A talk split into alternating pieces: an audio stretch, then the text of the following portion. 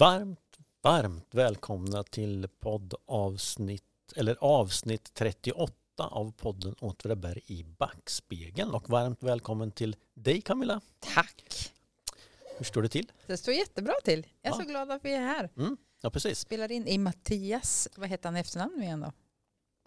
Roy Lind. Det blir en hang-up det där. Ja. Ja, stort, stort, stort tack till Mattias Lindholm och hans studio där vi får sitta vi får och sitta. spela in vår podd. Vi Ja. sitter så skönt här. ja, men precis. Och det är ju jättebra grejer här. eh, Sådär, så att, Mm. ja, Mm. vi, vi, vi trivs här Mm. eh, faktiskt. Ha, har du gjort något kul på sistone?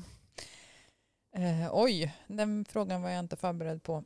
Ehm, nej, jag jobbar mycket. Mm.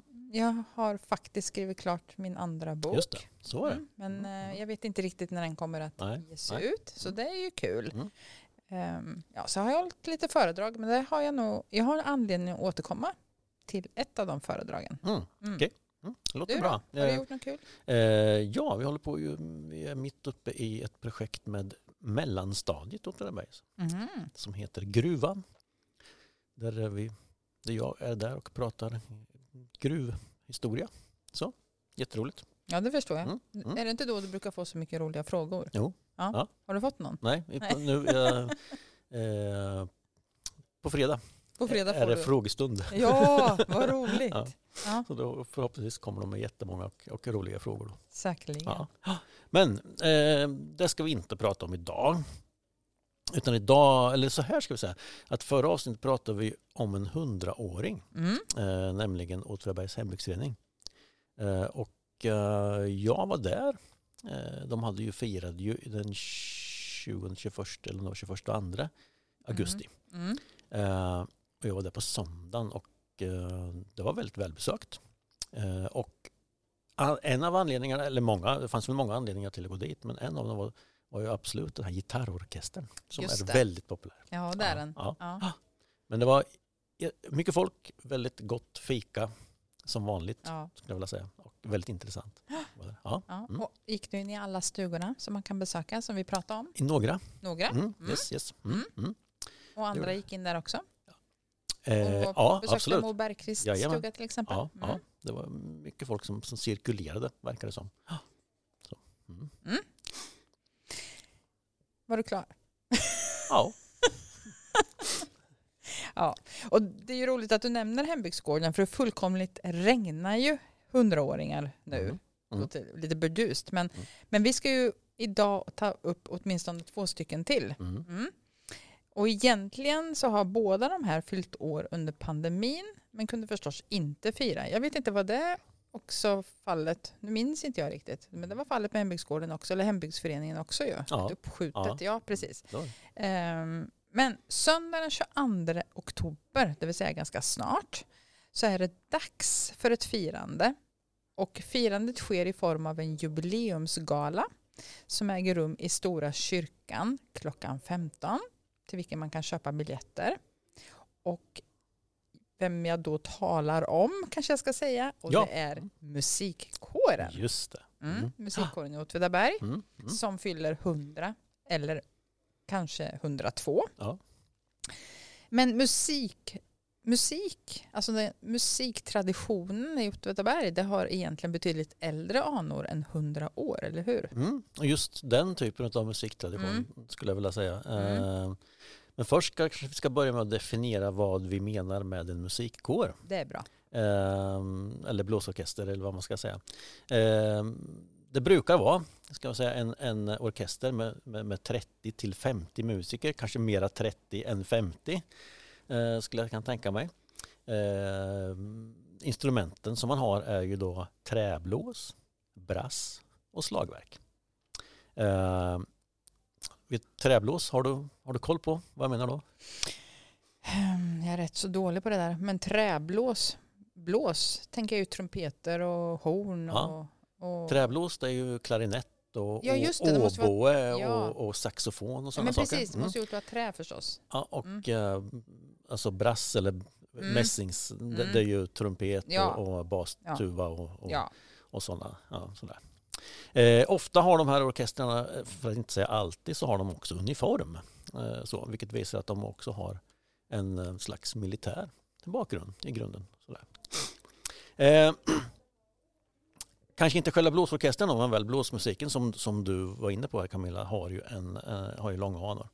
Eh, och det är alltså en företeelse som har sin bakgrund i baronerna Adelsvärds privatorkestrar som bildades, eh, åtminstone vad vi vet, på 1830-talet. Möjligen eh, ännu tidigare faktiskt. Eh, så. Eh, det finns en, några noteringar i sockenprotokollen eh, för Åtvids socken att 1793 firades den rena evangelistiska lärans antagande med pompa och ståt här i Åtvidaberg. Kanonskott avfyrades och, som det står då, från klockstapeln speltes med pukor, trompeter och flera blåsinstrumenter, salmer och stycken. Mm. Mm. Och där tänker du att det kunde ha varit en liten orkester som stod där och Ja, spelade. men absolut. Mm. Så var det ju. Eh, så. 1817 eh, så skedde en liknande tillställning.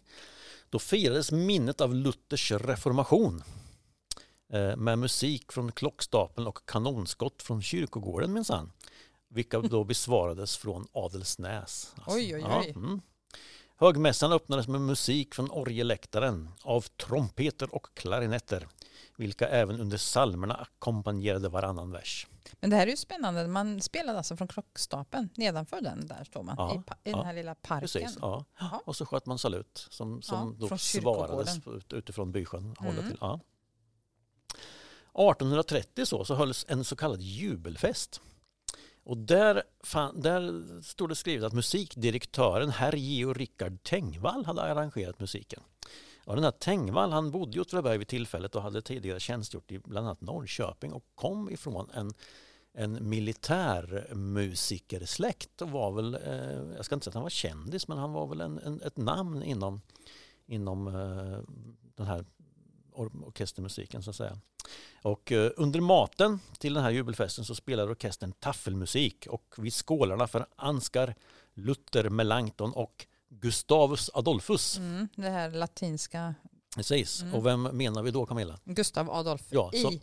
Som då har varit? I, I vårt hus på Sjukhusgatan. Yes. Det är ju fantastiskt. Bra Roy. Ja, man ser. Ja. Eh, till deras ära så avlossades kanoner och musiken instämde med fanfarer. Kan du ha det där framför dig? Eller liksom kanonerna saluterar och så kommer en fanfar ja, ja, ja. ja, Fantastiskt. Men det här jubelfest, man vet inte vad det var för fest? Vad man bejublade? Det är en religiös fest. Det är en religiös ja, men, fest? Mm. Mm. Ja. Mm. Eh, och vid alla de här tillfällena så, så, så, vet vi vet ju inte om, om eh, musiken då arrangerades med musiker från Linköping eller om de fanns i Åtvidaberg. Mm. Det, det, tyvärr vet vi inte om... om det framgår man, inte. Nej. nej. Men 1834 så, så anställdes i alla fall en gammal bekanting som vi har pratat om mm. förut. Karl eh, Gotthelf Hönnike. Mm. Han anställdes som musikdirektör vid Åtvidaberg. Som den första Som den första musikdirektören, mm. om det nu inte den här Tengvall var där. Ja. Mm. Eh, men den första vi känner till då, mm. eller sådär, som vi kan knyta till en, en hel, eh, en hel orkester. orkester. Ja. Och sådär. Han kommer ju då bosatt sig i Klockargården, eller Musikbyggningen som den också kallades. Och den kommer att fungera under hela 1800-talet som bostad för musikdirektören och som replokal Eh, för orkester. Och den här Hönnik han var ju född i Sachsen i, i dagens Tyskland. Eh, han hade varit oboist vid andra livgrenadjärregementet och musikdirektör vid Närkes regemente. Mm. Och vad gör en boist? Han spelar oboe. Det är ju ett, ett träblåsinstrument. Aha. Mm. Mm. Tänk vad jag lär mig på de ja. här poddarna. Ja. Eh, och musikkåren då som Hönnicke basade över den bestod av bruksarbetare som hade musikalisk talang Mm. Samt några militärmusiker från garnisonen i Linköping. Och de här militärmusikerna, det var de liksom som var säga, riktigt bra utbildade och det var de som då var stommen i den här orkestern. Då. Och den bestod av omkring 30 musiker från och till. Eh, Sådär verkar det vara. Och den här musikkåren den användes ju då flitigt i, i väldigt många sammanhang. Eh, orkestern, eller delar av den, åtföljde ofta baron Adelsvärd på hans resor och besök. Ehm, De spelade vid alla handla högtidliga tillfällen. De- De utförde dansmusik vid, vid herrskapens baler och sällskapsspektakel. Eh, Och den åtföljde också eh, baronerna på höstjakterna. Ja, De stod gömda bakom någon, eh, bakom någon eh, ja men oftast var det så att de, de fick liksom inte synas, de skulle bara höras har jag förstått. och sen när han sköt en älg så kommer det en liten trudelutt från något litet horn. Jätteroligt. Jag, jag tror inte det var så, men däremot när de, herrskapet samlades för lunch Jaha. kanske, så stod de bakom något buskage och spelade. Ja. Lite så kanske. Mm. Eh, första maj varje år, och det är ju fortfarande en tradition Mm. här Åtvidaberg, så sjösattes då alltid musikbåten i vilken orkestern roddes runt på bysjön medan den musicerade. Och det finns ju en bild på den där tagen på 1860-talet på den där musikbåten. Eh, och den är ju som en jättestor eka skulle man Mm, kunna säga. mm. Eh, med åror och så här. Och där packade man då in den här musikorkestern som då åkte runt där. Då. Så. Det måste ju varit helt fantastiskt Ja, att sitta en sommarkväll och lyssna på dem när de kom och svepte Mm, ja. förbi där. precis. Spelade. Ehm, och vackra var de också, Mm. ska jag säga. De Mhm. hade, det, det omtalas då att de hade, åtminstone på Hönnikes tid, så hade de eh, en snygg uniform. Den var en, en blå frack, eh, byxor då och eh, på fracken var det blanka knappar på bröstsidan. Så här. En annan sak som är väldigt karaktäristiskt då, eller väldigt eh, ja, för, för just det här musicerandet här på 1800-talet är ju musikpaviljongen. Mm. Jag vet inte om jag pratat om den förut, men, men den byggdes alltså på 1870-talet just Mm. för eh, att då eh, blåsorkester eller musikkåren skulle kunna ta plats i paviljongen och spela och då bruksbefolkningen skulle kunna sitta på själva ängen där. Mm. Jag tror vi har haft den Mm. uppe för vi pratade Ja. om Böhme vid något tidigare Ja, tillfälle. precis. När man blev arg när- Böhme satt och spelade kort istället för att Ja. komma och musicera. Ja, eller precis. leda orkestern. Exakt. Mm, jag tror vi haft uppe Precis. det. Men det tål att sägas många gånger. Ja, Mm. det är en, en väldigt, om inte annat en väldigt kul historia. Ja. Eh, Där, eh, sådär. Eh, Den här orkestern de spelade alltså eh, kvällstid på sommaren, två timmar varje Mm. tisdag och fredag och då kunde man gå dit och lyssna. Så. Och det är egentligen från mitten av 1800-talet som musikkåren blir eller allt mer fungerar som underhållning för brukets invånare också. Så.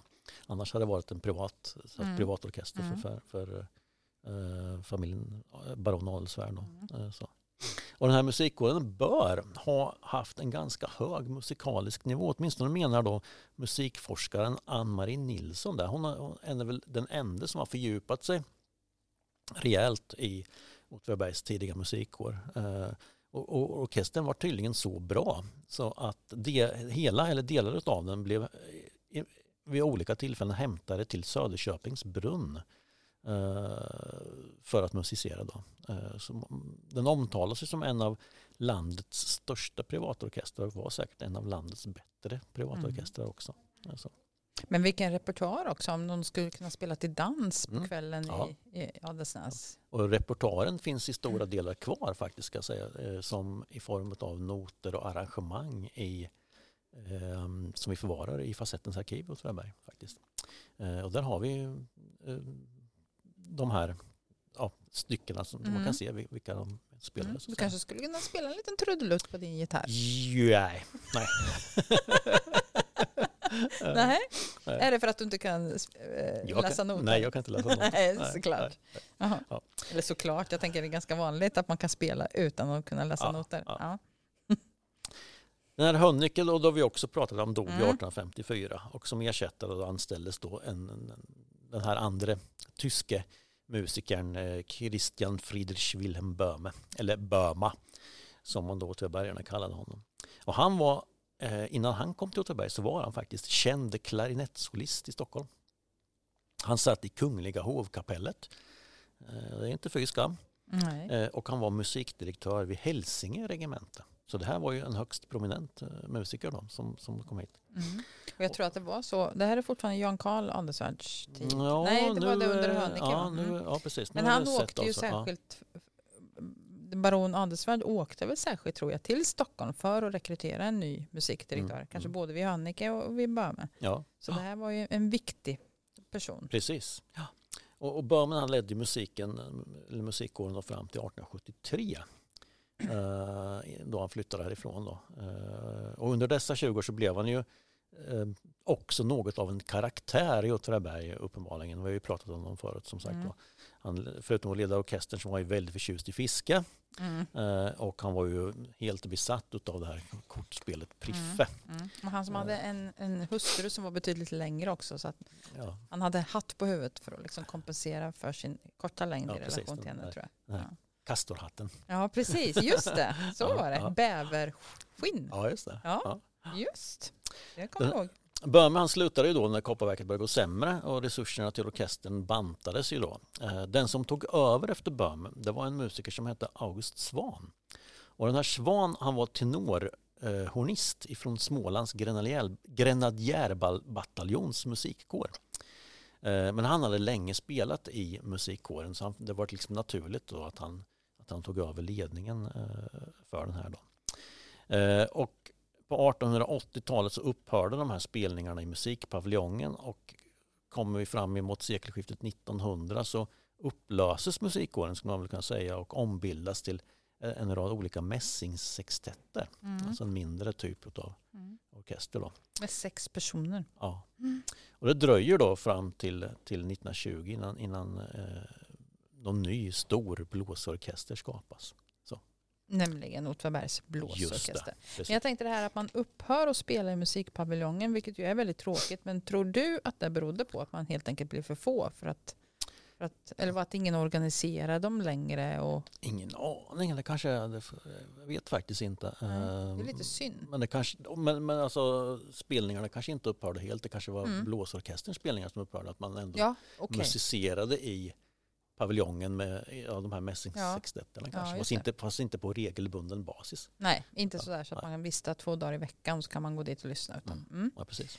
Men hur många gånger har du eller man inte blivit väckt en tidig söndagsmorgon av att Åtvidabergs musikkår har fått gått förbi på gatan? Ja, ja, så Ja. ja, ja, eller ja senast nu. I, i, Är det sant? Ja, absolut. De, eh, ibland så går de, drar de ju förbi på, de har gått förbi på Verksgatan vid något Det tillfälle. är jag- ja. jättekul för jag Ja. saknar, för jag Ja. bor inte nu så att jag Nej. hör dem. Men jag vet att jag tidigare har gjort det och just det här att man vaknar, det är ju, det är ju tidigt. Ja. De börjar väl vid åtta eller någonting Mm, att gå. mm. Jag tänker att det var ännu tidigare för i ungdomen så tyckte man ju att åtta var förskräckligt tidigt. Mm. Så, en söndag. Men trots att jag tyckte att det var tidigt så har jag alltid rusat upp för att se dem passera. För det är ju så häftigt och så Mm, mäktigt. Ja, precis. Och jag jättekul. sprang till och med ut vid något tillfälle och de har nog ba- bara gått i Verksgatan någon gång. Men jag sprang i alla fall ut och tog något kort på dem. Ja. Hann inte med riktigt. Så att, Jag tror du skulle säga han inte med och klä mig innan. nej, jag kom ut där. I kalsipporna. Ja. Undrar hur många det är som har sprungit ut så. Men det är ju så pampigt och stort och det är som pondus och sådär. Mhm. Och åtminstone förr så hade ju kåren dessutom ofta en, kanske inte jättetidigt på morgonen, men senare under dagen en svans av människor som gick eller cyklade efter dem. Mm, mm. Och nu är det ju tyvärr sällan så, men ett härligt tillskott sedan år 1984 är ju drillflickorna som ofta går med musikkåren. Precis.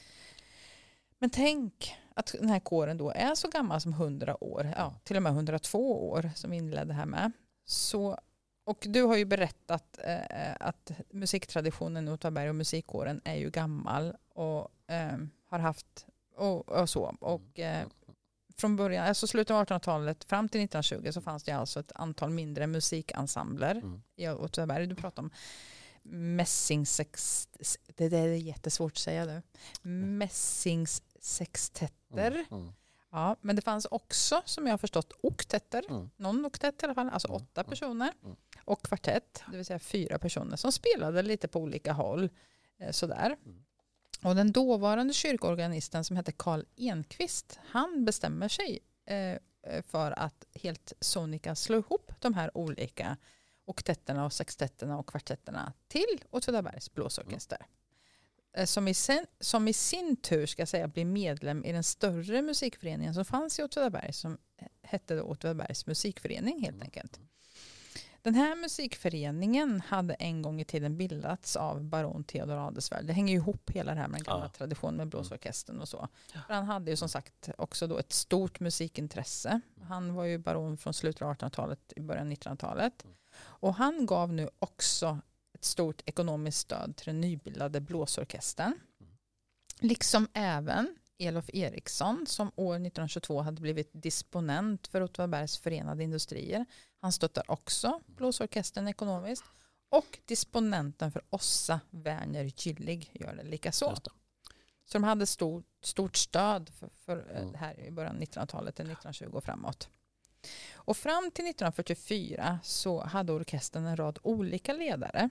Men 44 så anställs den första musikdirektören igen då ska jag Mm. väl säga, eller åtminstone för den Ja. här musikkåren, nämligen Gunnar Nygren.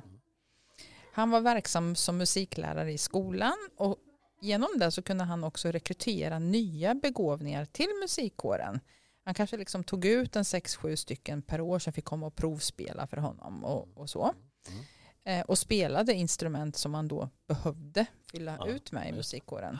Och en person som spelade upp för Nygren år 1963, det var Uffe Johansson. Mm. Och honom har jag pratat med då, få lite mer information om musikkåren. Mm. Och han spelade horn. En kort tid så spelade han trumpet och så gick han tillbaka till horn. Och han har alltså spelat sedan 63 och gjorde några uppehåll på 70-talet men kom sen tillbaka. Och spelar ju än idag. Nygren han kom att stanna som ledare för musikkåren i 25 år fram till 1969 då han gick bort. Och han var ju också sån som spel eller som, som gjorde väldigt mycket egna arrangemang och, och komponerade musik och så. Mm.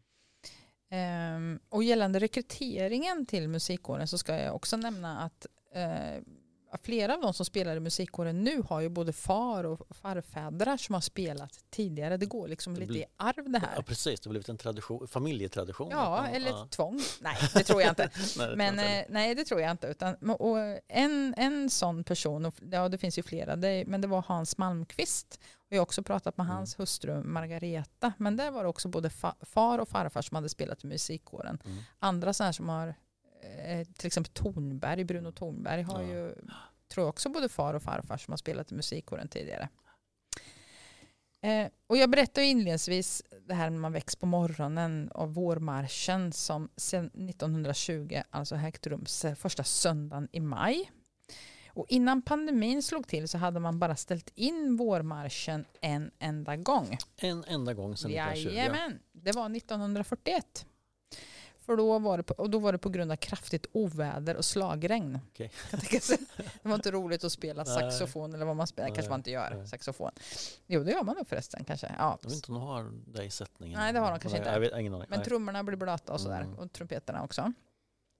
Ett år så regnade hela marschen eh, när de gick med den påföljden att samtliga uniformer lär ha krympt. Mm. Mm. ja, jobbigt, jobbigt Ja. läge. Vårmarschen har ju som tradition gått genom samhället och haft lite olika sträckningar olika år. Eh, eh, och med tanke på vilka som stöttade, som jag nämnde då, Baronen och Elof och Mm. Gyllig och så här, och även en del andra, så gick man ju alltid förbi just dem, alltså Mm. Villan och Adelsnäs och så vidare, och stannade till, till exempel vid Villan, där disponent Eriksson bodde, och bjöd då musikkåren på kaffe med dopp. Och man gick till Adelsnäs. Och jag vill minnas att när jag intervjuade Johan Adelsvärd för boken om äh, torp och hem inom baroniet Adelsvärd så berättade han att hans första framträdande eh, skedde den gången han var sju år gammal. Och eh, barnhusan, eller ja, Tatta som hon kallades, sa till honom att nu, de hörde att musikkåren kom ut till Adelsnäs Mm. Och stod nedanför och spelade. Och hon sa till Johan att nu måste du, nu måste du tacka för mamma och pappa var bortresta. Ja. Så hans första framträdande var att gå ut på balkongen och tacka Ja. musikkåren för deras Ja. fina spelning. Det, här, det jag kommer att tänka på det är ju de filmerna vi har från de olika jubileerna. Eh, eh, bland annat då disponent Elof Erikssons 50 och Just det. 60-årsdag. precis. Ehm, och där figurerar ju förstås, givetvis, figurerar ju blåsorkestern där. Mm. Eh, sådär. Och jag, jag vet att, att de har ju, vi pratar om att Ny, Gunnar Nygren, han komponerade ju en, Mm. en, särskild, eh, en särskild marsch tror jag det var. Jaha, Eh, till Elof. Ja, Wow. till- Mm. ä, hans ära så att säga. Ja. Ja. En annan stor sponsor eh, de tidiga åren var ju Olle Andersson. Honom har vi pratat om Mm, tidigare. mm, Han som, mm. som startade ja, Ålivs vid handlare. Sunderbotorget. Handlare, Handlare, ja. precis. Han hade ju innan han startade, eller öppnade upp Ålivs vid Sunderbotorget så hade han ju en speceriaffär på Bäckstedtsgatan. Eh, och då fick de helt alls, då ville de ju spela utanför hos Olle, vilket de också gjorde. Så de gick ju hela den här backen upp och stod Mm. utanför Oj. hans hus. Det, är det den brantaste backen? Det är Åsvärdsbacken. Ja, den, Ja. den är brant Den nog i alla fall. Det räcker. Särskilt om man ska släpa på en massa instrument. Ja, Och- precis. Och dessutom kanske, ja, de kanske inte blåste hela vägen upp. Men Förmodligen det måste, inte. Det måste ju ha varit ett, oj. Ja. Ja. Ja, men det, och det är bra att du säger för att vårmarschen så går man ungefär en och en halv mil. Mm. Och Uffe berättade, Uffe Johansson då, att eh, det är en av de absolut tuffaste spelningarna de har. Mm. Eh, och det kanske inte är rent musikaliskt så avancerat som han sa, men de börjar klockan sju. Där hade jag ju faktiskt rätt, de börjar klockan sju, inte åtta. Och de slutar klockan ett. Och det är ju inte som att vara ute och gå en vanlig promenad precis när man svänger med armarna och sådär, utan man måste ju hålla i sina instrument.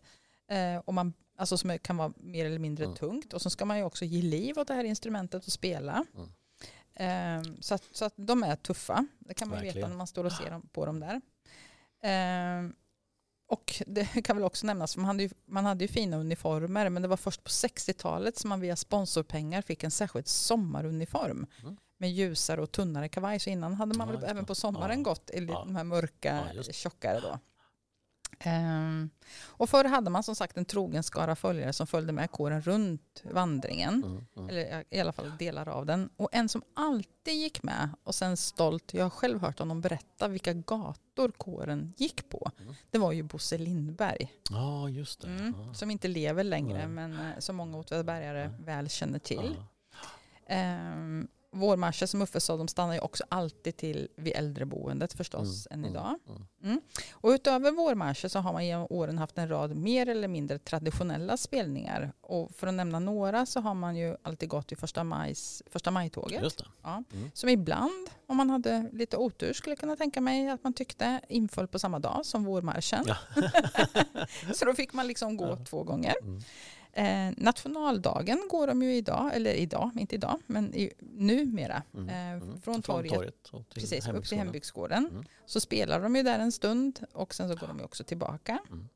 På 60, 70, 80-talen så spelar man ofta på Kopparvallen inför de då allsvenska matcherna. Och då tågade man alltså inne på inneplanen. Vilket man inte kan göra idag eftersom motståndarlaget ska ges tillfälle att träna och värma upp.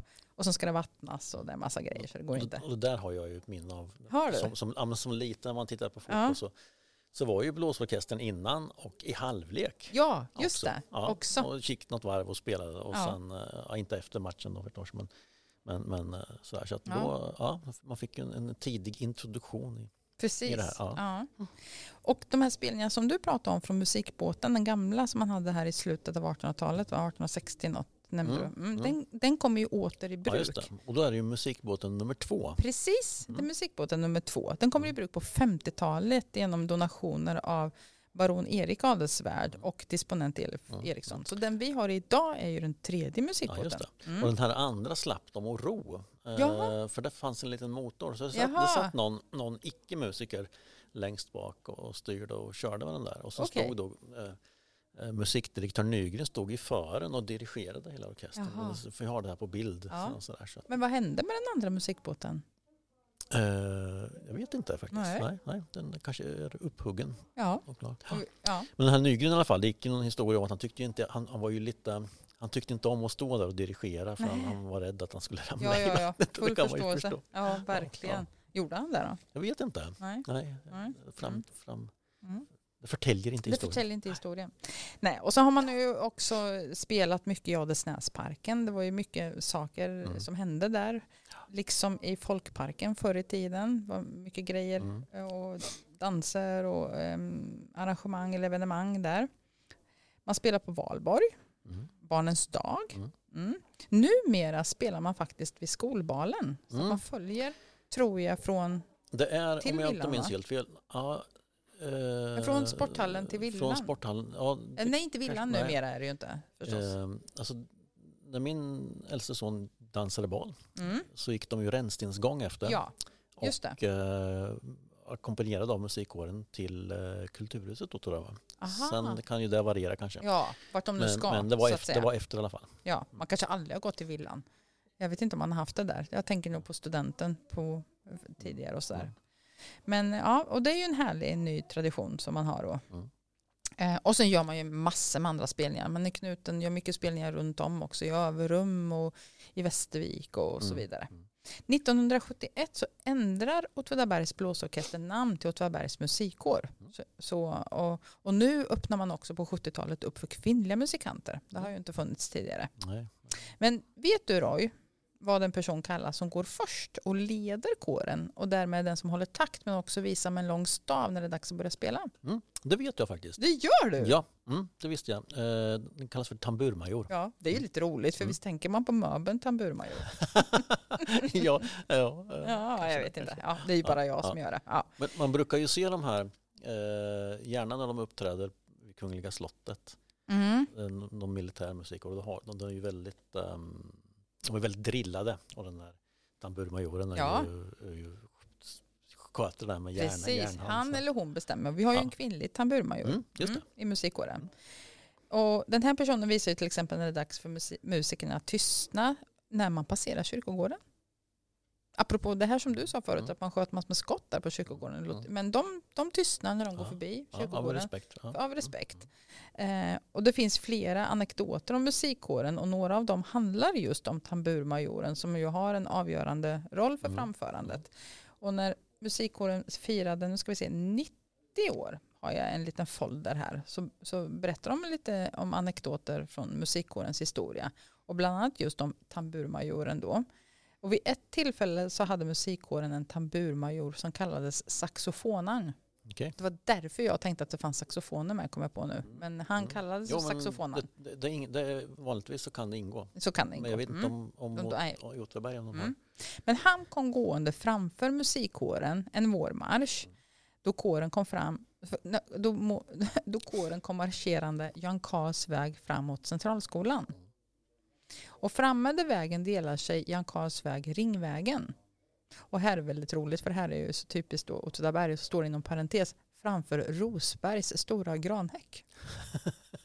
ja, vet du var vi är? Nej. Nej. Ja, jag tror det. Men... Ja, vi är ju den här, som man säger, fem, femvägskorsningen. Ja. Ja, Villavägen, Ringvägen och sen bort mot och, ja det. och Rosbergs stora granhäck bakom den. Den finns ju inte kvar för det Nej, första men nej. där bor ju faktiskt, ska vi väl ändå säga, Magnus Jönsson och Jessica Mm. Björk idag.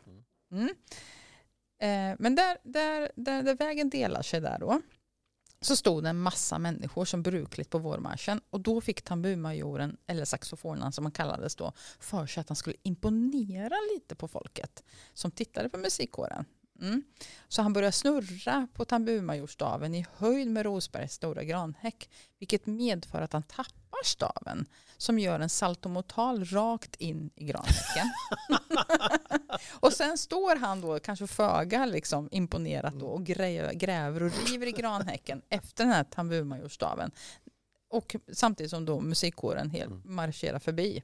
Så kan det gå. Och vid ett annat tillfälle så skulle kåren spela i Gusum.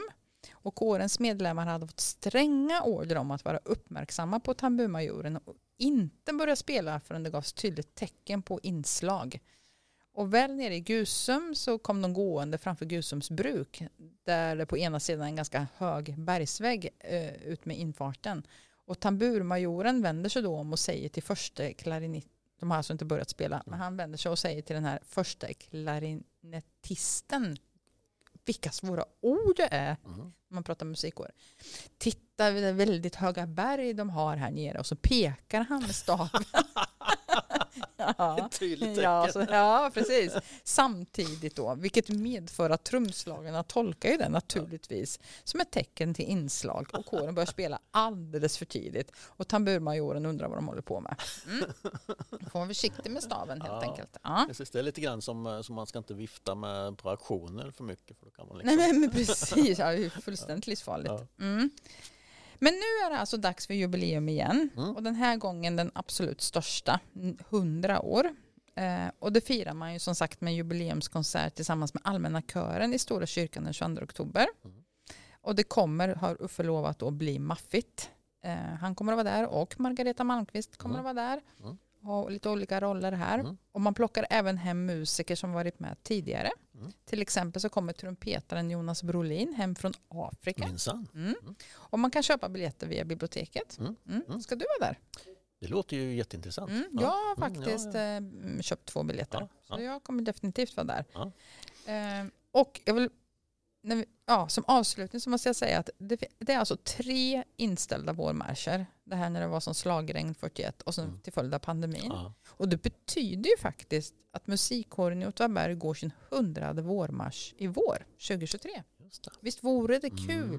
Om de kunde få en lång folksvans efter sig? Mm, precis, vi får uppmana lyssnarna här. Mm. Om de är så många så att de kan bilda en svans efter. Ja, efter. men de som kan, eller man står Ja. ut med vägarna, det Ja. vore ju lite extra roligt. Så att jag tänker att vi får påminna om det fram till här maj, att, man, att de kommer spelar första söndagen i maj, Ja. från klockan sju. 7 till 13. Du, jag har en kommentar till det här. Alltså, jag tänker på den här första musikdirektören, Karl Enqvist. Mm. Ehm, jag grävde lite i arkivet. Eh, vi letade efter en, ehm, eh, ett arrangemang eh, som vi ehm, skulle ha. Då, då, eller som blåsor, eller musikkåren skulle ha. Men då, upp, då, då upptäckte vi också att den här Karl Enqvist, han hade då skrivit och gjort ett jättestort arrangemang som hette någonting i stil med Till Åtvidabergs musikkårs ära. Fint. Eller det blåsorkesters ära. Mm, Så den ligger i arkivet, en fet sån här, Mhm. eh, ett fet, fett kompendium på något sätt. Mm. Ja. Ja, så de har varit och rivit lite i arkivet för att hitta Mm. just jubileums... ja, det var en särskild, det var en särskild uh, marsch som de, eh, en särskild Aha. jubileumsmarsch som de, Mm. som de skulle se om de kan hitta originalet. Ja, just det. Mm. Och jag måste säga bara, när jag var hemma hos Margareta så har ju hon under åren fotograferat så otroligt mycket och också Mm. spelat in filmer. Och Ja, alltså, när de till exempel musicerade i sporthallen så Ja. berättade hon att hon alltid satt och filmade. Så hon har ju enormt mycket Ja. bilder. Eventuellt så blir det också någonting av dem den 22 Ja. oktober. Det var väl inte helt Kul. klart, Ja. men det vore jättekul. Och det finns ju ytterligare en koppling som jag tänker på rent spontant mellan eh, lokalhistoria och Åtvidabergs eh, musikkår eller blås, blåsorkester. Mm. Tror du jag tänker på? Den är pe- en personlig koppling skulle man kunna säga. Inte, inte för mig men det finns en, en personkoppling.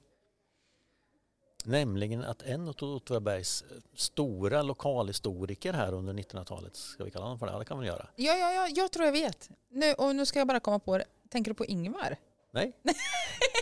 För jag tänkte på, oj nu kommer jag inte på vad han heter. Han, han, vi har pratat om honom, Ramstedt hette han inte. Ram, Ja, det vet jag inte om han, men den jag tänker på Ja. det är ju Karl-Hugo Flod. ja, ja. Karl-Hugo Flod som då var väldigt engagerad i, i lokalhistoria och Ja. dessutom eh, mångårig eh, medlem i Åtvidabergs Ja, musikkår. ja, Eh, så. ja här var ju kul. Men jag var ju tvungen, här avslöjar jag att du, du är inte ensam att vara dålig på hur efternamn slutar. Nu kommer jag inte ihåg, men du vet vem jag menar, som vi pratade om Ingvar som fick kultur. Ramstedt. Ramstedt, det är Mm. så. Ja. Ja. För jag upptäckte att eh, när eh, man firade 50 år så hade han ju i ett sånt här eh, kompendium, jubileumskompendium då, diktat så fint. Och jag fick inte med mig det nu, men, ja, men Ja. då har vi flera kopplingar Ja. mellan lokalhistoria och musikkår.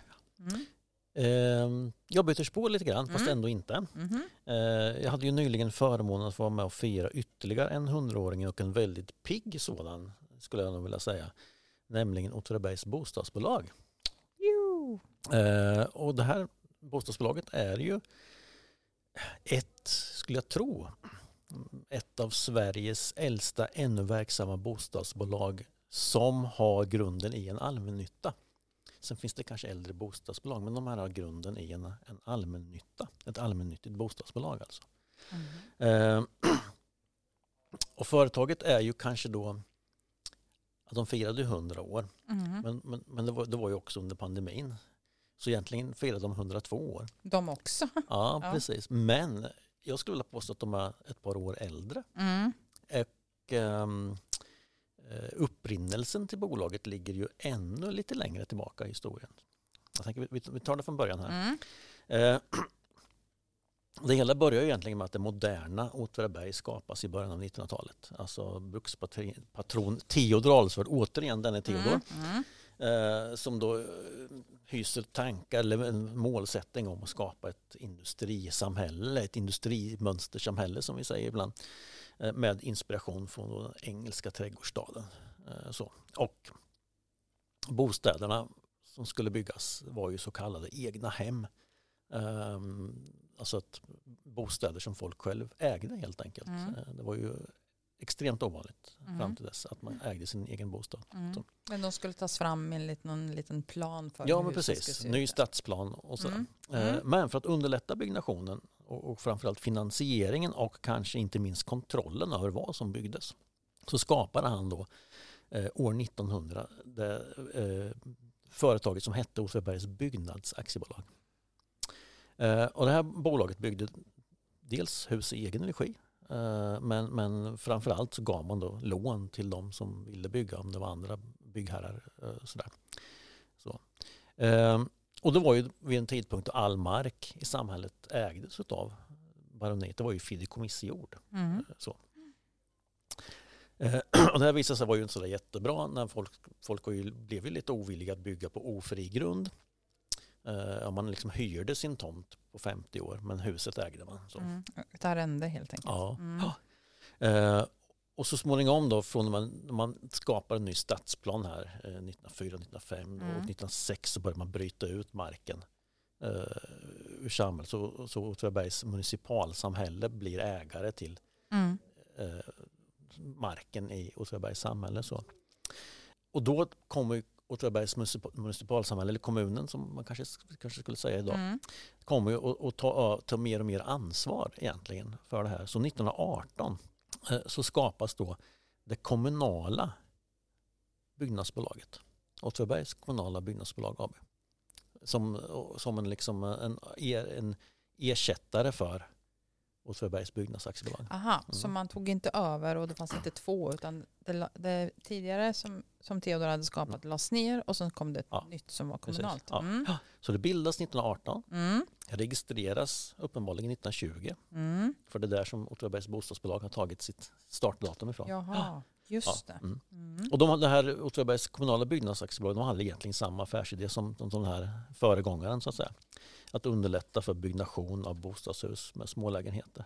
Det vi idag kallar för villor, Mm. skulle man kunna säga. Mm. Eh, och fördelen för ett kommunalt bostadsbolag var ju också att det på ett bättre sätt kunde söka statsbidrag för den här verksamheten. Eh, så. Men är det framförallt för den här privata byggnationen som, som baroniet säljer ut mark i tätorten för att det ska börja liksom byggas och det här egentligen också trädgårdsstadsidén ska, ska bli verklighet? Ja, eh, och framförallt för att eh, människor ska vilja, Vilja, vilja, ja. vilja bygga. Ja, och Eh, äga marken Ja, själva. ja Mm. precis. Man äger sin tomt och man Ja. äger, man äger sitt Ja. hus. Men, men det finns en styrning ändå.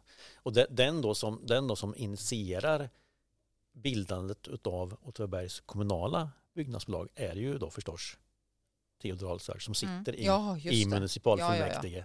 Så Eh, och, och tidvis är han ju ordförande i, i municipalnämnden. Och Ja, sådär. Ja. Så han är inte så borta. Han är inte borta, Nej. han är i allra högsta grad närvarande Ja. eh, och, och, och initierar det här så att säga.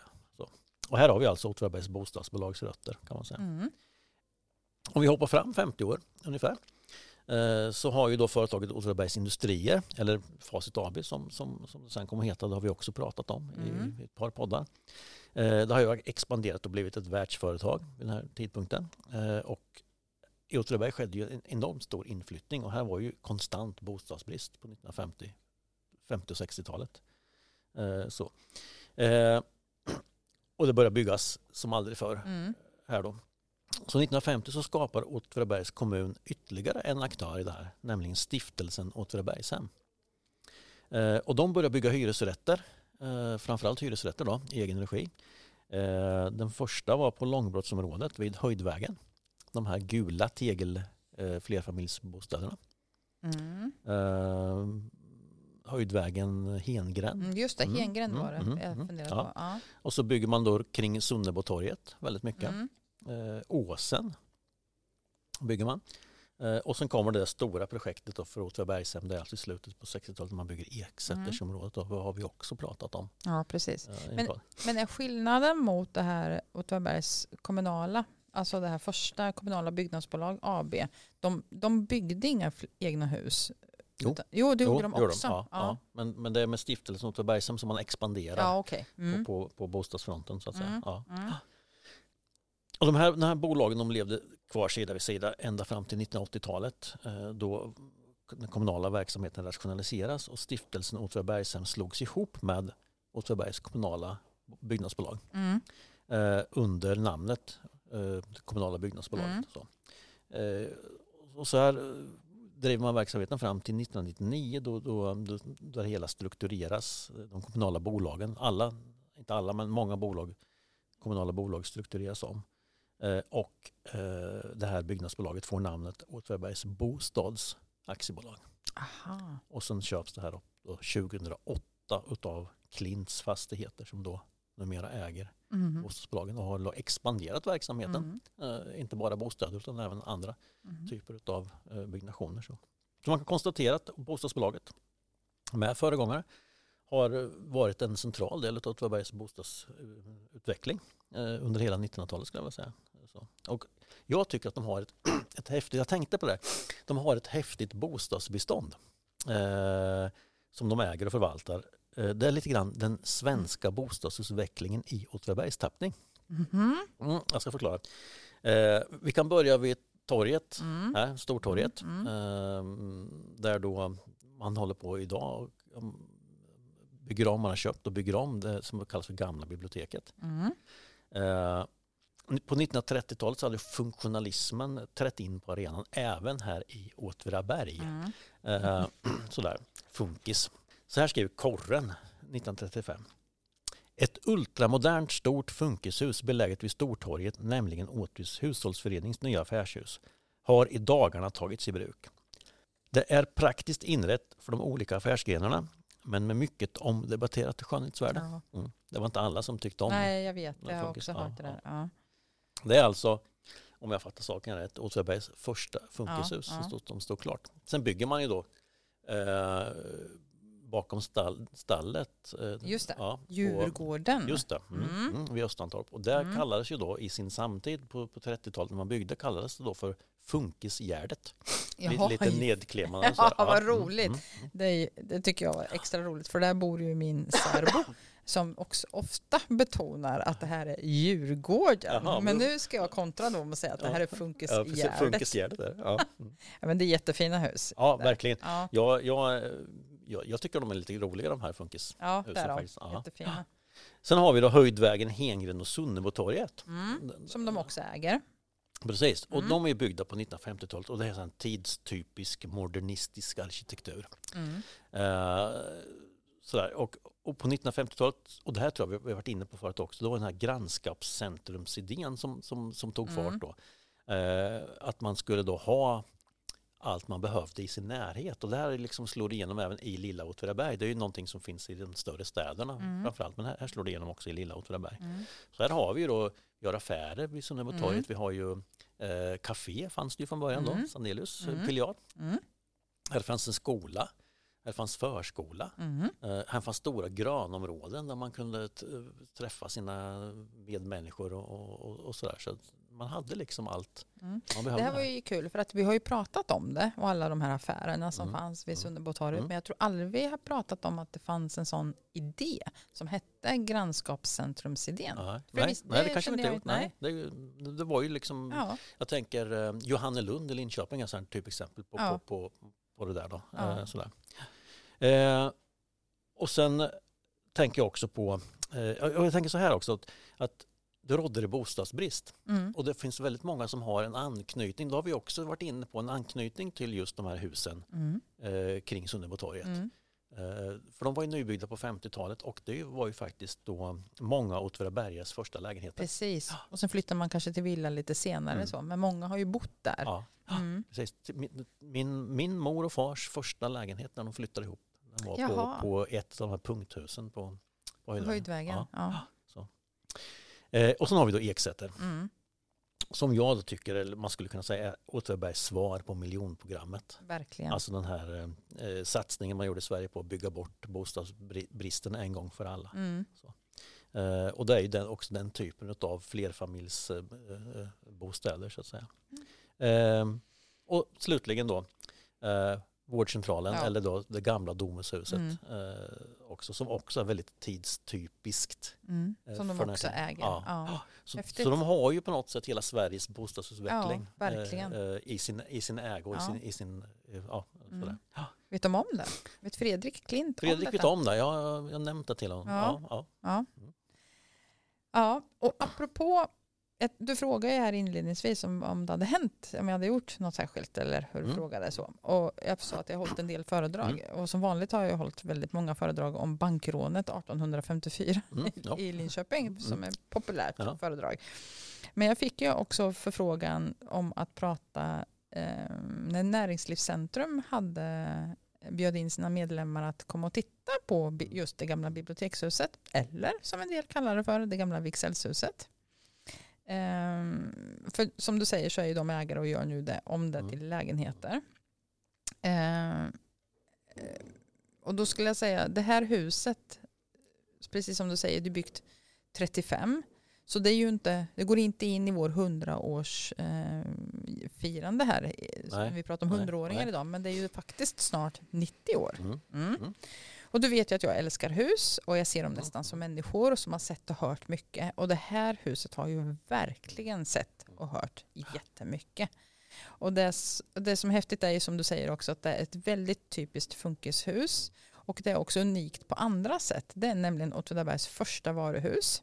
Och det är idag det äldsta huset på torget. Mm. Så, och, och som sagt, vi kallar det för gamla bibliotekshuset och det är byggt som hushållsföreningens hus eller konsum, Mm. ett konsumhus då.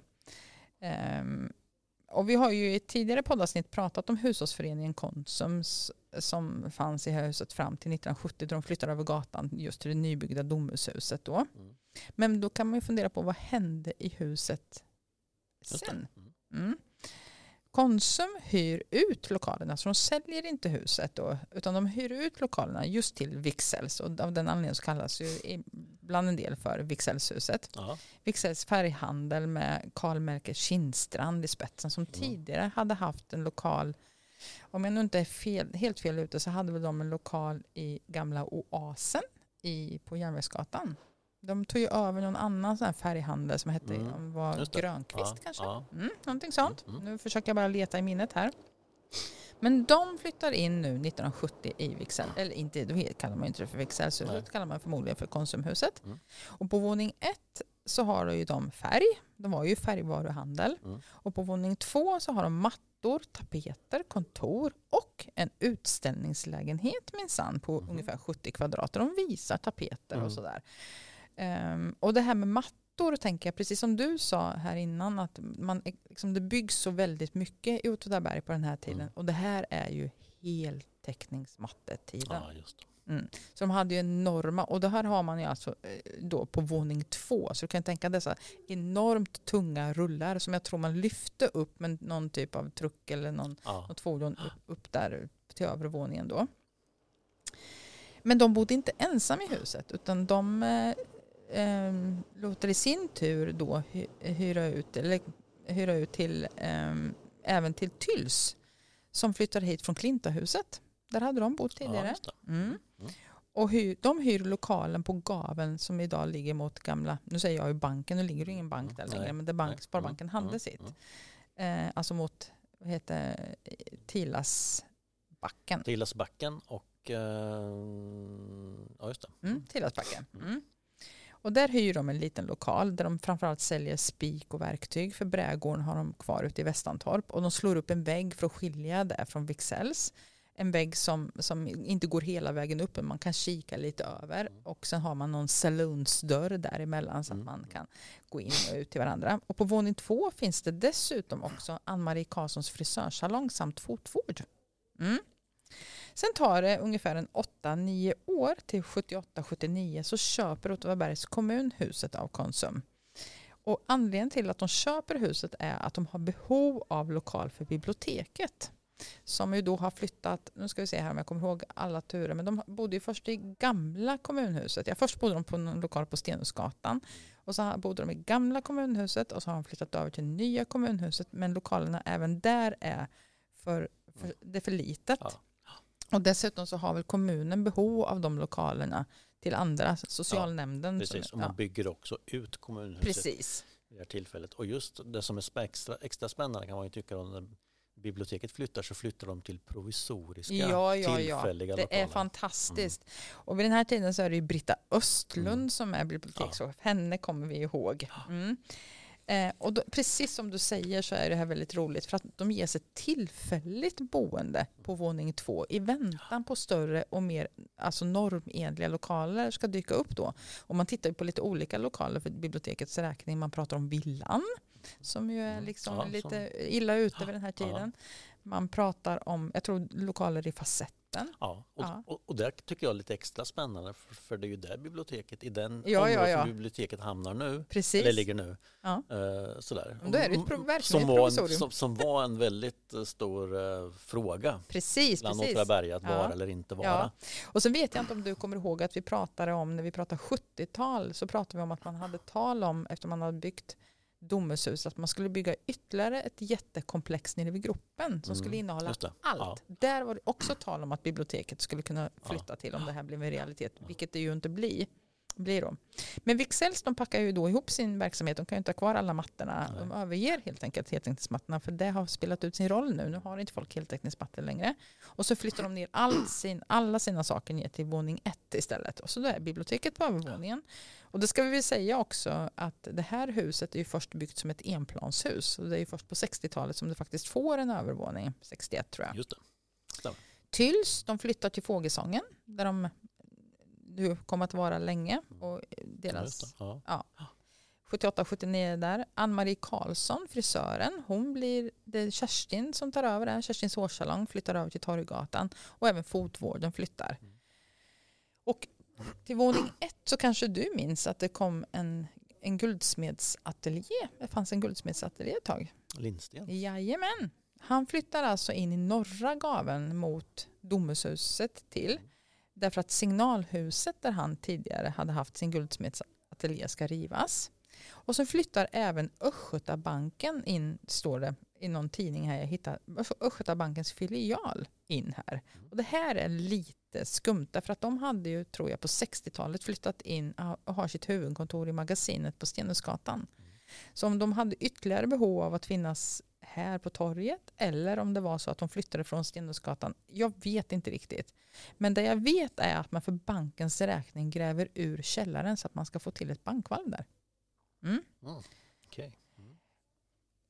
Sen vet jag inte om du minns Gotland. Ja då. Det gör Eh, jag, kan, jag kan inte säga att jag minns hur det såg ut, och så, Nej. men, jag minns att det var väldigt mycket godis. Väldigt, det var ju, och det är ju fiffigt namn, Ja, Gotland. ja, absolut. Ja, så det är då Karl Melker Kindstrand som utökar sin verksamhet där. Mm. Så tillsammans med Wix, Wixells färgvaruhandel och, Lindstens guldsmedsateljé och den här banken så kommer nu även Gotland och Blomland. Mm. Och Gotland lär ha haft en stor röd geléråtta i skylten har jag hört. Det kommer inte jag heller ihåg. Och eh, sen så köper de också in Greta Anderssons gamla parfymeri som också hade legat i signalhuset så att de utökar med, med parfymeri där. Så det var väldigt mycket saker som hände där. Ja, och det händer på torget med. Jag tänker signalhus, gamla signalhuset rivs ju i det Precis, sammanhanget. precis. Och, bygger det är därför de flyttar, Ja, precis. måste flytta då. Ja. Och i Domushuset så öppnar ju Kindstrands även en annan rörelse. Kommer du ihåg vad den hette? Nej, På nedervåningen. Rabatten. rabatt. Just det. Mm. Ja, ja, ja. ja. Mm. Mm. Mm. Och i mitten av 80-talet så flyttar Wixells med all sin verksamhet till Rabatten. Och Lindstens flyttar till Torggatan och även Östgötabankens filial, eller hur det nu var då, flyttar ut. Och nu kommer en helt ny hyresgäst till våning ett. Biblioteket är ju kvar, de bor ju i sitt lilla provisorium där då. Mm. Eh, Men en ny hyresgäst kommer till det här första planet.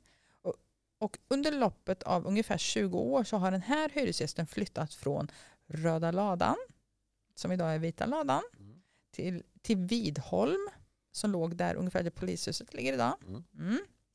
Till ett litet hus på Torggatan.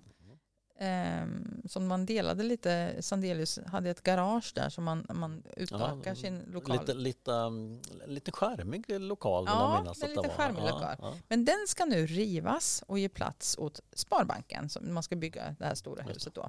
Och den hyresgäst jag pratar om är ju då Presentasken med Göte och Irma Alsen och även senare dottern Pia Alsen i spetsen. Och de flyttar in i, på, på våning ett i det här bibliotekshuset Mm. på 80-talet, mitten av 80-talet. Och de flyttar alltså in i mitten av huset.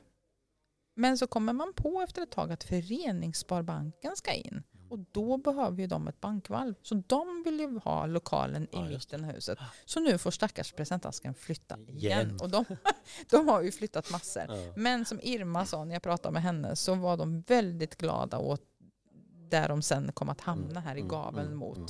Tilasbacken. Då, för att eh, där var de ju många år. Ja. Eh, eh, Faktiskt ett par år in på 2000-talet. För det kom Ja, ju en ny ägare till presentasken. Och, så, och, och som du nämner då, biblioteket som flyttade in i huset på 80-talet som, som ett provisorium. Provisoriumet kommer ju att vara i 35 år. Mm. Ja. För det är ju först 2015 som de flyttade till Kulturcentrum. Ja. Och under senare år så har ju här förutom bibliotek och presentask funnits blomsterhandel och vi har haft Östgötabanken, Harmonibod och skoaffär och så vidare. Så det jag sa inledningsvis så är ju det här ett hus som har bevittnat oerhört mycket både utanför sin huskropp och inom huskroppen. Den, har sett, den har sett kommunhus byggas, för det kom ju 1937, några Mm. år senare.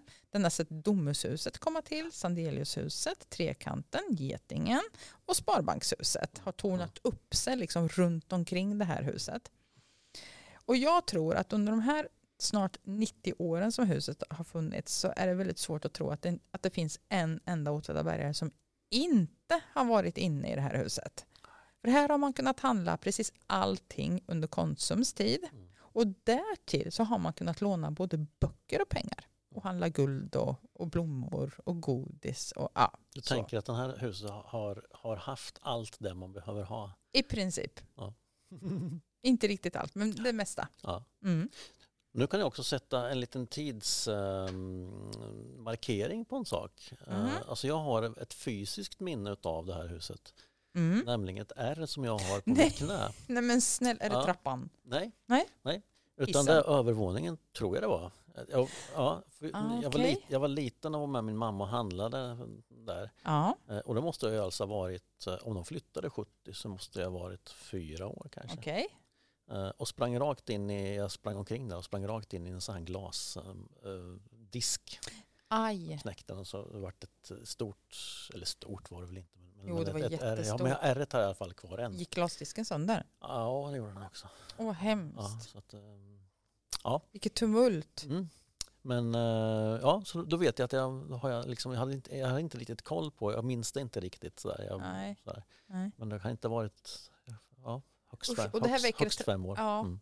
Det här väcker ett traumatiskt minne hos mig känner jag nu plötsligt. Jag kommer ihåg när jag var med min mamma in på vad som måste ha varit kontinent. På Järnvägsgatan. Mm. Alltså där som då La Patrona ligger idag. Som har varit Simons hörna och allt Mm. möjligt Mm. ringköp och sådär. Och det tror jag också att jag har berättat. Men jag, jag kommer ihåg att min mamma gick fram till expediten och pratade och skulle handla något. Och jag kröp upp i skylten. Mm. Det står en massa skyltdockor.